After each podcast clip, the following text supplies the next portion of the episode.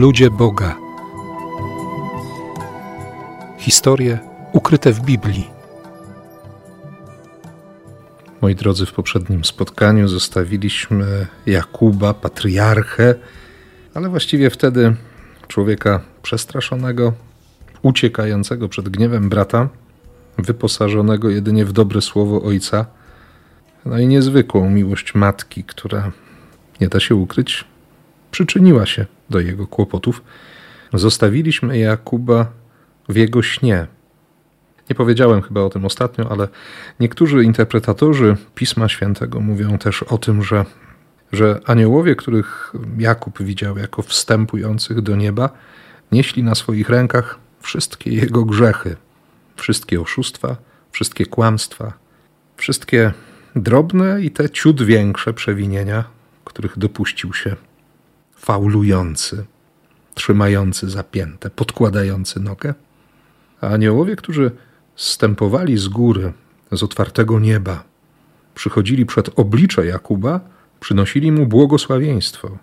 Byli posłańcami trzymającymi w swych dłoniach miłosierdzie, przebaczenie, które ofiarował Jakubowi najwyższy Pan zastępów. Ta interpretacja wydaje się przeczyć temu, co przeczytamy w bardzo szerokim dwunastym wersecie 28 rozdziału Księgi Rodzaju według Targumu Neofiti. Przypomniałem ten werset w poprzednim spotkaniu. Aniołowie, którzy towarzyszyli mu z domu jego ojca, wznosili się, aby ogłosić aniołom na górze, mówiąc: Chodźcie i zobaczcie człowieka sprawiedliwego, którego oblicze jest wyryte na tronie chwały, który pragniecie zobaczyć. Aniołowie sprzed Pana wstępowali i zstępowali, aby go obserwować. Do którejkolwiek z interpretacji byśmy się nie skłaniali, doświadczenie Jakuba było przeżyciem niezwykle istotnym, bardzo ważnym również dla całej późniejszej historii tego patriarchy, ponieważ najważniejszym przeżyciem dla uciekającego Jakuba było doświadczenie szechiny, obecności. A oto, jak przekaże nam Targum, Pan stał przy nim i mówił: Ja jestem Pan, Bóg Abrahama, Twojego ojca i Bóg Izaaka. Ziemię, na której śpisz, oddaję Tobie i Twoim synom. Przekład z Septuaginty doda jeszcze: Nie bój się, nie bój się. Nie bez przyczyny to słowo nie bój się zostało wypowiedziane, ponieważ przeczytamy w kolejnych wersach, zaraz po obietnicy w której Bóg zapowiedział: Oto ja jestem z Tobą, by Cię strzec na każdej drodze, którąkolwiek podążysz. Ja przyprowadzę Cię z powrotem do tej krainy, bo Cię nie opuszczę, aż spełnię wszystko, co Ci przyrzekłem. Tak przeczytamy w Biblii pierwszego Kościoła. Targum użyje słów charakterystycznych dla myślenia żydowskiego. Szechina to ta obecność Boga, który przychodzi jako słowo ponieważ pierwsze przykazanie, które otrzymuje Izrael po wyjściu z niewoli egipskiej, brzmi: Szema, słuchaj, zasłuchaj się w słowo, uszanuj to słowo, smakuj to słowo, zanurz się w słowie. Stąd piętnasty werset 28 rozdziału Księgi Początków brzmi w Targumie Neofiti: A oto w moim słowie ja jestem z Tobą i będę cię strzegł, gdziekolwiek się udasz. A potem sprowadzę cię do tego kraju, bo moje słowo nie opuści cię, dopóki nie spełnię tego, co ci obiecuję. Bardzo piękna jest ta intuicja biblijna, którą później właśnie tłumacze Septuaginty na język polski będą określać wyrażeniem słowo przyszło i oznajmiło. Dla Żyda było oczywiste, że słowo jest obecnością. Słowo jest realne.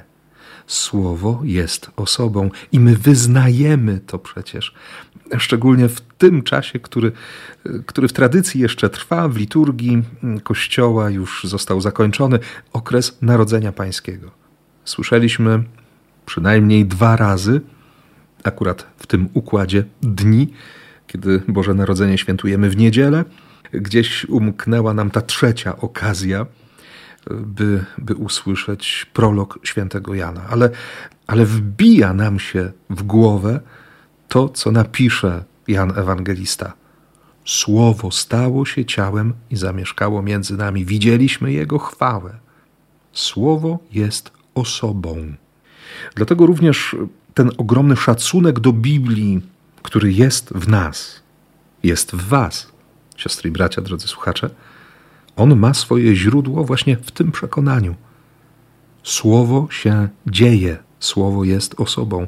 Ze słowem można wejść w relacje. Słyszymy w liście do Hebrajczyków: Słowo Boga jest żywe, jest skuteczne, jest zdolne do wykonania konkretnej pracy w człowieku. Słowo chce spotkania. Dlatego jesteśmy ludźmi, którzy szanują Słowo.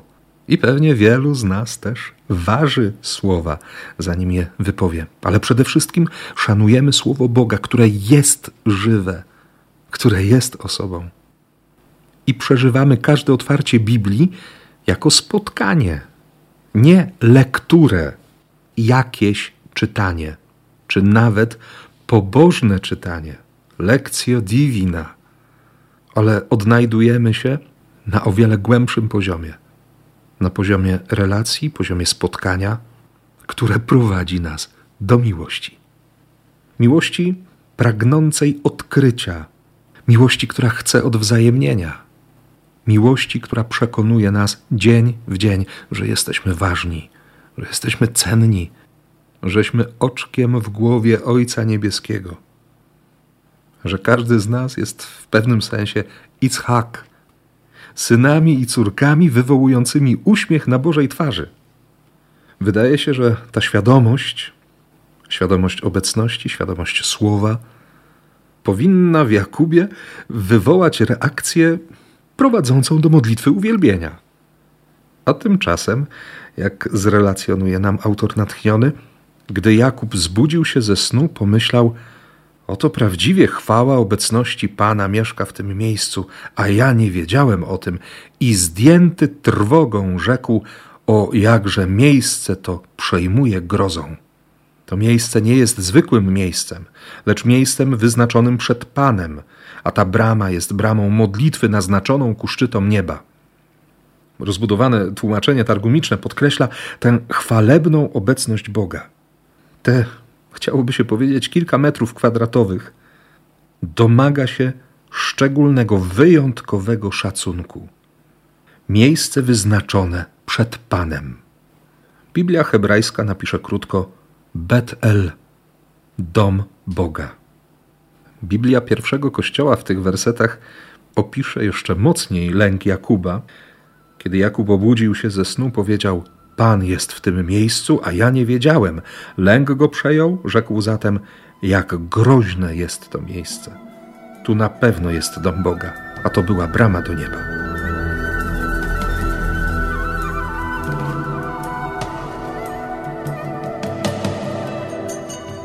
Lęk, przerażenie, a może bojaźń.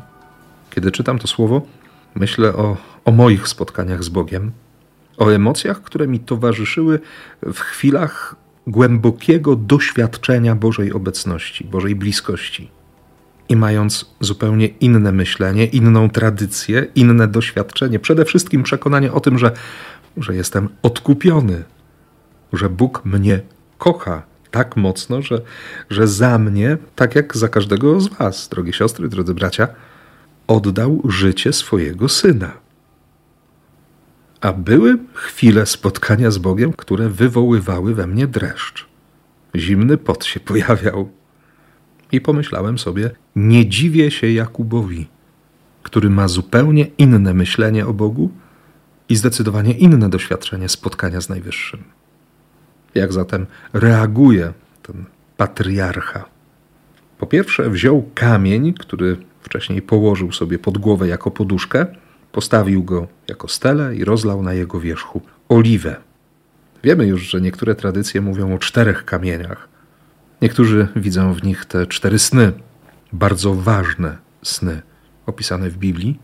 Inni w tych czterech kamieniach widzą cztery kobiety w życiu Jakuba: jego dwie żony i dwie niewolnice tych żon: Le, Rachele, Zilpę i Bilchę. Cudowne połączenie czterech kamieni i stworzenie z nich jednego dla niektórych jest znakiem działania jedynego Boga w całej historii zbawienia, dla innych zapowiedzią powstania jednego narodu, choć o ogromnej różnorodności. Ale wydaje mi się, że akurat w tym momencie nie musimy się zajmować kamieniami czy kamieniem, który Jakub poświęca też przez rozlanie oliwy i chwilę modlitwy w tamtym miejscu.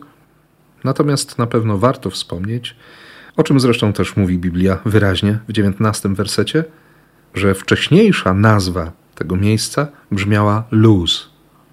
Słowo najprawdopodobniej, nazwa najprawdopodobniej nadana przez Kananejczyków, ponieważ rzeczywiście właśnie ta nacja zamieszkiwała owe tereny. Okolice tego miejsca są już wspomniane w XIII rozdziale Księgi Rodzaju. Górzysty teren, jakieś 17 kilometrów na północ od Jerozolimy. Abraham, Lot, jakby z dogodnego punktu obserwacyjnego, taksują wzrokiem całą okolicę, żyzne tereny równinne, leżące w niżej położonych partiach Doliny Jordanu. Między trzecim a jedenastym wersetem 13 rozdziału Księgi Rodzaju znajdujemy rozmowę Abrahama ze swoim bratankiem i pamiętamy, że właśnie tam doszło do rozdzielenia z woli Bożej zresztą i natchnienia Bożego, które prowokowało pasterzy Abrahama i pasterzy Lota do wzajemnych sporów, a może i użycia siłowych argumentów. Właśnie w tamtym miejscu Abraham zostaje sam, bo to Bóg chce spełnić obietnicę daną temu człowiekowi, daną ojcu wiary. Ponieważ okolica, przynajmniej na pierwszy rzut oka, wydaje się być rajska, Stąd nie dziwi nazwa tamtego miejsca luz. W językach starożytnych używanych na tamtym terenie oznaczało jakiś rodzaj leszczyny, może i nawet drzewo migdałowe. Ale sugestia nazwy nadanej przez Jakuba tamtemu miejscu, czyli Bet-El, dom Boga, była już zaznaczona argumentacją towarzyszącą bratankowi Abrahama przy wyborze właśnie tamtej okolicy.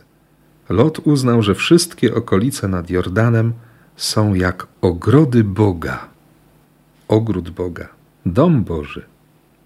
Lot został zwabiony pięknem. Jakub nadał nazwę po przerażającym bądź co bądź doświadczeniu spotkania z Bogiem. Po nocy, która była pierwszą z serii niezwykle ważnych nocy Jakuba. Oczywiście na samym wylaniu oliwy na kamień się nie skończyło. Jakub też zaczął się modlić i złożył ślubowanie, ale czy to modlitwa, czy ślubowanie są wyjątkowe w swojej treści. Jeżeli Pan będzie mi pomocą, strzegąc mnie w drodze, w którą wyruszam, jeżeli da mi chleb do jedzenia i ubranie do okrycia się, i jeżeli wrócę w pokoju do domu Ojca mojego, Pan będzie moim zbawiającym Bogiem. Wówczas ten kamień, który postawiłem jako stele, będzie sanktuarium dla imienia Pana i ze wszystkiego, co mi dasz, wydzielę dziesięcinę dla Twego imienia. W Targumie pojawia się to określenie sanktuarium dla imienia Pana. W Biblii hebrajskiej przeczytamy dom Boga. Mam nadzieję, że, że zwróciliście, drodzy słuchacze, uwagę na to, w jaki sposób Jakub składa to ślubowanie. On warunkuje wyznanie wiary uzależnia oddawanie czci, budowanie relacji z Bogiem, byśmy dziś powiedzieli, od konkretu błogosławieństwa. Jeżeli Pan zrobi to, to, to, to i to też, to będzie zawsze moim Bogiem. Będzie moim zbawiającym Bogiem. Uznam go za Boga wtedy, gdy. Ciekawa modlitwa, czyż nie? Można by się nawet pokusić o stwierdzenie, że że nieco bezczelna.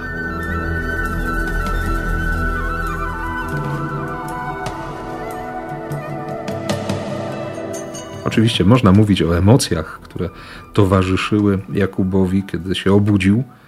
Tym bardziej, że ostatnią obietnicą przez niego złożoną jest ustanowienie dziesięciny, o której zresztą słyszeliśmy już w przypadku Abrahama, który spotkał Melchizedeka, przyjął od niego błogosławieństwo i ofiarował mu dziesiątą część łupów zdobytych na królach kananejskich, którzy wcześniej uprowadzili jego bratanka.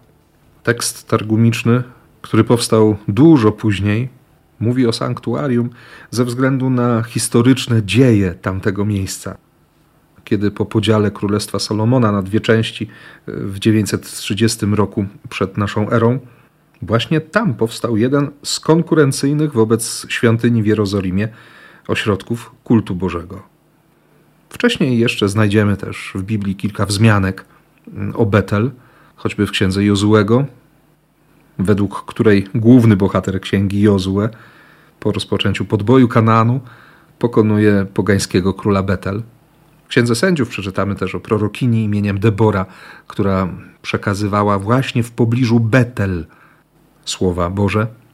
Również Samuel podróżował do Betel, żeby sprawować urząd sędziowski dla Izraelitów. Tym niemniej to miejsce kultu Bożego, miejsce uwielbienia Boga, przestało mieć związek z pełnym bojaźni zachwytem Jakuba, doświadczeniem działania ducha prorockiego w Deborze czy Samuelu, właśnie wtedy, kiedy rozpadło się królestwo narodu wybranego. Ponieważ jeden z królów, Jeroboam, stworzył w tym mieście ośrodek kultu posągu cielca, o czym wspomina Księga Królewska w XII rozdziale, późniejsi prorocy będą mówili już nie Bet-El, a Bet-Aven, dom nikczemności. Tak nazwie tamtą okolicę e, Ozeasz. Inny z proroków, Amos, również będzie wypowiadał słowo Boże przeciw tamtemu miejscu. Aż wreszcie ten dom Boga, czy dom nikczemności, zostanie zburzony. Cała wyżyna zostanie spalona, starta na proch przez króla judzkiego, wiernego Bogu, króla Jozjasza. O tym powie nam druga księga królewska w 23 rozdziale. Ale zanim stanie się to wszystko, Jakub, wypełniony bojaźnią z powodu spotkania z Bogiem, doświadczenia Jego obecności, będzie powtarzał, że, że to jest dom Boga. To nie jest zwykłe miejsce, to jest brama do nieba. Warto przy tej okazji pomyśleć o rozmaitych miejscach w naszym życiu, czy to konkretnych miejscach geograficznych, czy też chwilach, momentach, przeżyciach, doświadczeniach, w których spotkaliśmy Boga, a właściwie w których przekonaliśmy się o tym, że, że Bóg chce spotkać człowieka, chce spotkać nas. Jak wyglądają nasze historie związane z tym spotkaniem? Co się od tamtego czasu zmieniło? Jakie są dzieje naszej relacji z Najwyższym? z Panem, który chce być naszym zbawiającym Bogiem. Zachęcam Was, siostry i bracia, do, do chwili zastanowienia się i zapraszam już teraz na kolejne spotkanie, w którym będziemy towarzyszyć Jakubowi w jego wędrówce w rodzinne strony matki, żony Izaaka, Rebeki.